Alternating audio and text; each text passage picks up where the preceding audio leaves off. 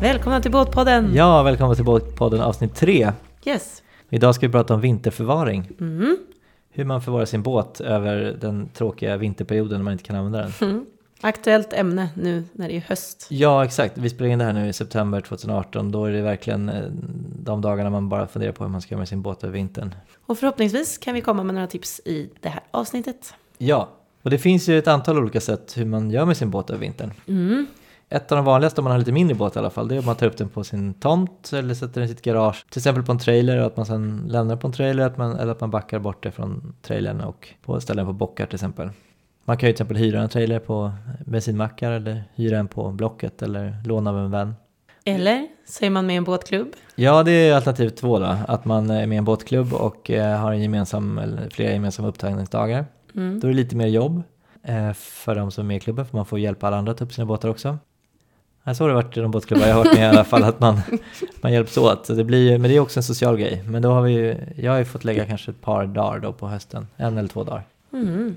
På båtklubben där vi eh, finns i, så eh, kör man sin egen båt. Men sen så hjälper man ju till när någon behöver hjälp, ja. Men det är inte att det ingår i uppgifterna. Okej, ja, det är lite olika då. Ja. Båtklubb är ju för och nackdelar. Det är ju trevligt att kunna dela fixet. Man kan ju låna verktyg av varandra och Mm.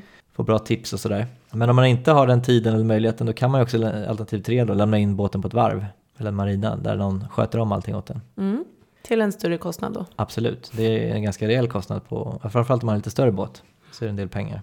Mm. Men jag tror också att det är väldigt rimligt om man har en större båt för att de eh, kan ligga inomhus då till exempel. Eller eh, motorn kan få en rejäl omgång på ett positivt, i positiv bemärkelse. Eh, och man kan även passa på att laga trasiga saker. Ja, en viktig faktor med, med båtar det är ju andrahandsvärdet och det kan ju påverkas positivt om man har en bra dokumentation på att den har förvarats på ett bra sätt och servats varje år och sådär. Mm. Så det kan ju vara bra för andrahandsvärdet att ta hand om båten, att lägga lite pengar på det så att säga. Mm. Sen finns det fler sätt då, förutom de här vanligaste. Det är ju till exempel att man har en båtlyft. Alltså att man eh, lyfter upp båten ur vattnet vid sin brygga och då kan man i vissa fall ha den på den över hela vintern också. Eh, och alternativ fem, det är att man låter båten ligga kvar i vattnet. Men då gärna med en liten propeller eller slang med luft så att eh, det blir cirkulation i vattnet så att det inte fryser fast runt båten. Exakt. Särskilt om det är plastbåt. Mm. Det finns vissa båtar som klarar att frysa fast men det är ingen båt som mår bra av det. Det- Det är bäst att, för båtens skull eh, att man ser till att det inte fryser runt båten. Mm. Och sen finns det ett sista lite roligare alternativ, det är att man seglar till varmare breddgrader. Ja, Men det är- föredrar vi. Ja, det är det bästa alternativet, men kanske få förunnat att kunna det. Mm. Och det är väl mest för lite större båtar. Men oavsett då om man, eh, hur man gör här, eh, förutom när man lämnar in det på varv så måste man ju ta hand om båten lite grann för att den ska klara det kalla klimatet i Sverige på vintern. Ja. Och då finns det en massa olika saker som man ska göra, men en- steg ett är ju att städa båten. Mm. Innan- Både utan och innan. Ja, Mm. både att skrovet är rent från påväxt och eh, havstulpaner och även invändigt att det inte har eh, skräp, smuts, matrester, Mm. fukt. Mm. För allting grottas fast över vintern. Ja, och har man för mycket fukt i båten så kan den börja mögla också om man inte har ventilation i båten på vintern. Men då finns det de här torrbollarna Mm. som suger åt sig vätska. Och de är det bra att inte nudda med sin egen hud. Nej. För det fräter lite. Men då hade du ett bättre, mer ekologiskt tips. Ja, man kan ju göra egna sådana där med genom att använda till exempel en, en hink och ett durkslag och, och, och massa salt, grovsalt. Men det enklaste är kanske att köpa de här färdiga, de är inte så dyra. För Mm. Jag brukar använda ganska många också. Alltså fyra, fem stycken brukar jag ha i en båt. Oj, vi har två i en segelbåt med trä och dynor på 32 fot.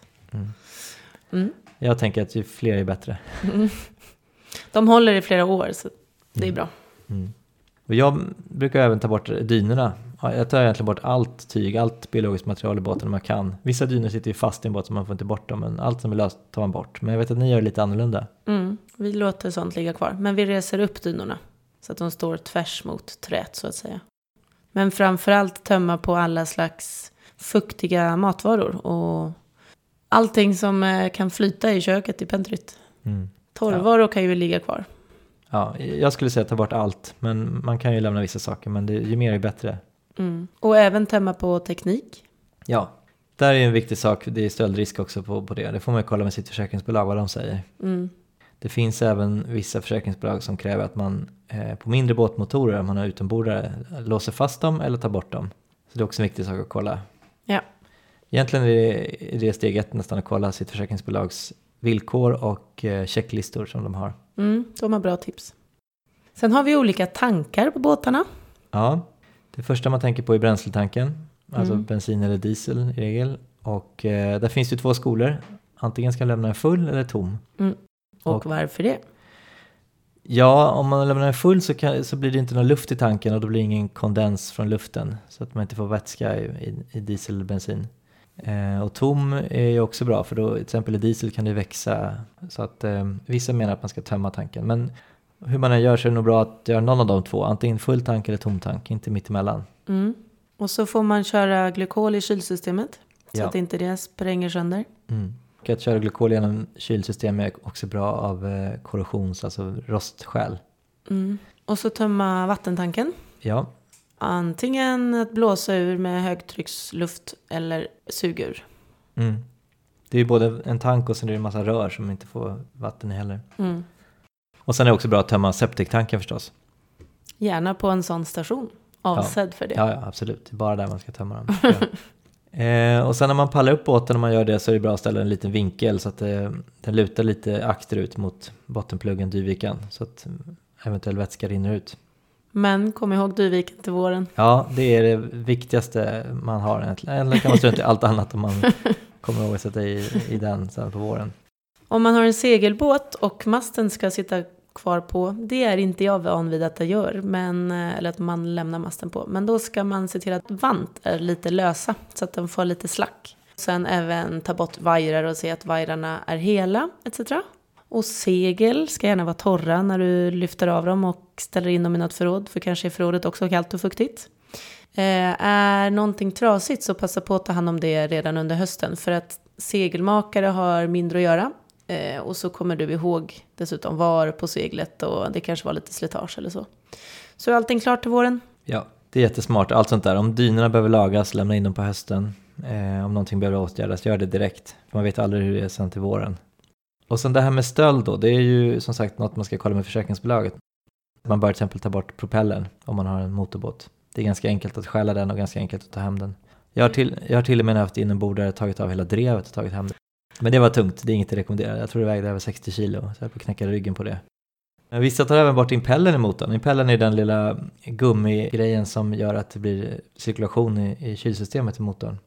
Och den behöver bytas ibland, men man, vissa tar bort den även för att förlänga hållbarheten och förvara den i en plastpåse hemma. Men också hur man än gör när man förvarar båten så är det väldigt bra att titta till den regelbundet. Mm. Särskilt när det blåser hårt eller det har snöat mycket. För det kan vara tampar som lossnar, eh, pressändningen kan lossna, då kan det regna in mycket och s- snö kan lägga sig på pressändningen. Ja, exakt. Och, och hamnar det snö på pressändningen och, och fryser ihop så är det- kan det vara väldigt svårt att få bort det. Mm, och Det det, kan blir vara väldigt tungt. Det är ja. ett helt, en helt annan belastning än vad pressändningen är gjord för. Mm. Och än vad stötterna är gjorda för. Ja. Och apropå stötter så är det viktigt att man inte knyter fast eh, presenningen i stötterna som Mm. båten står på. Mm. För att då kan en stormvind rycka bort stötterna till båten och välta hela båten. När det gäller pressändning så hade jag sagt investera hellre i en pressändning därför att eh, sån här inplastning är både dyrt och det är engångs och det är sämre för miljön. Mm. Och så blir det inte heller någon luftcirkulation där inne. Och det är många också som tänker att de köper en lite billigare presenning har jag märkt på båtklubbar Mhm. för att spara pengar. Mm. Men det blir ju kanske dyrare i längden för de går ju sönder kanske då varje år. Mm, mm. Bättre att kanske köpa en ordentlig presenning som räcker ett många år. Mm. Bättre för miljön också. Ja.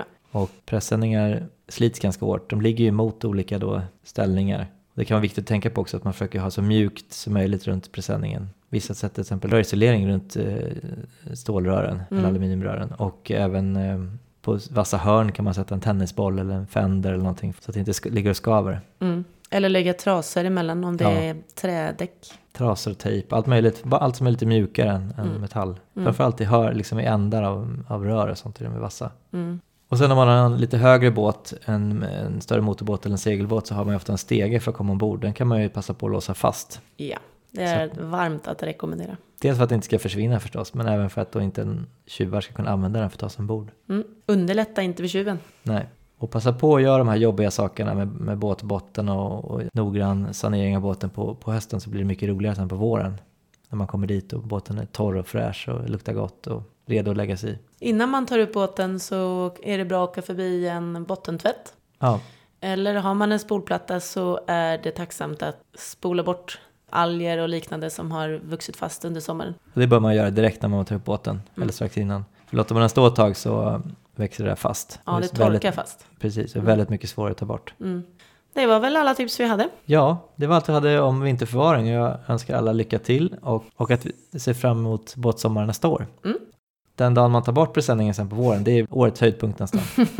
Ja, förutom att det brukar vara lite för kallt då fortfarande. Ja, Åtminstone när det är min familj gör det. härligt. Det är mycket roligare att fixa en båten på våren, vilket är synd för det är på hösten man behöver göra de viktiga sakerna egentligen. Mm. Och där brukar ni ta upp båten lite tidigare för att det inte ska bli så kallt när man gör det där. Det är ganska smart. Förra om åren så har vi tagit upp så sent som möjligt. Så att jag har ju varit ute i skärgården i oktober, november. Men numera så, jag vet inte om det har med ålder eller lathet att göra, men då tar vi upp båten i september och det är ganska härligt att kunna spendera höstdagarna ute och fixa med sånt och ehm, ändå få lite solsken och värme på sig. Ja. Jag har ju också flera gå- år lämnat båten i vattnet och använt den under vintern. Det är också fantastiskt eh, härligt att kunna göra det med då en sån här propeller som håller borta isen. Men det har ju- blir ju inte lika många turer som man kanske föreställer sig på sommaren. För det är ganska kallt att ta sig ut. Men det är ju en helt annan skärgård man ser. Mm. Hus mycket bättre, till exempel inne i skärgården när löven är borta från träden. Inga andra båtar, helt spegelblankt. Jag skulle säga det, det är inga andra båtar. Det känns lite magiskt att ha skärgården för sig själv. Ja, Men ett tips där är väl att hellre än en propeller runt en båt så är det smidigt att ha en liten slang som blåser ut luft nära båten. Mm. Eh, för det gör att inte is kan lägga sig. Ja, och stora fördelen med det är också att man har ingen motor under vattnet, inga rörliga delar under vattnet. Det är bara en slang med massa hål i som ligger under vattnet och då blir det egentligen en billigare konstruktion. Den här motorn är inte lika dyr och den slits inte lika hårt. En sån här propeller som jag har använt som ligger under vattnet, den behöver ju servas ibland också för den ska ju då klara att ligga ute ett halvår i vattnet och användas dygnet runt. Gött! Ja, underbart. Och glöm inte att lyssna på våra tidigare två avsnitt. Eh, Första avsnittet handlade ju om nybörjare, hur man kommer ut på sjön och avsnitt två handlade ju om trender i båtvärlden. Ja, Och följ oss gärna på Instagram, där heter vi Båtpodden! ja. Tack så mycket för att ni lyssnade. Hej då. Hej!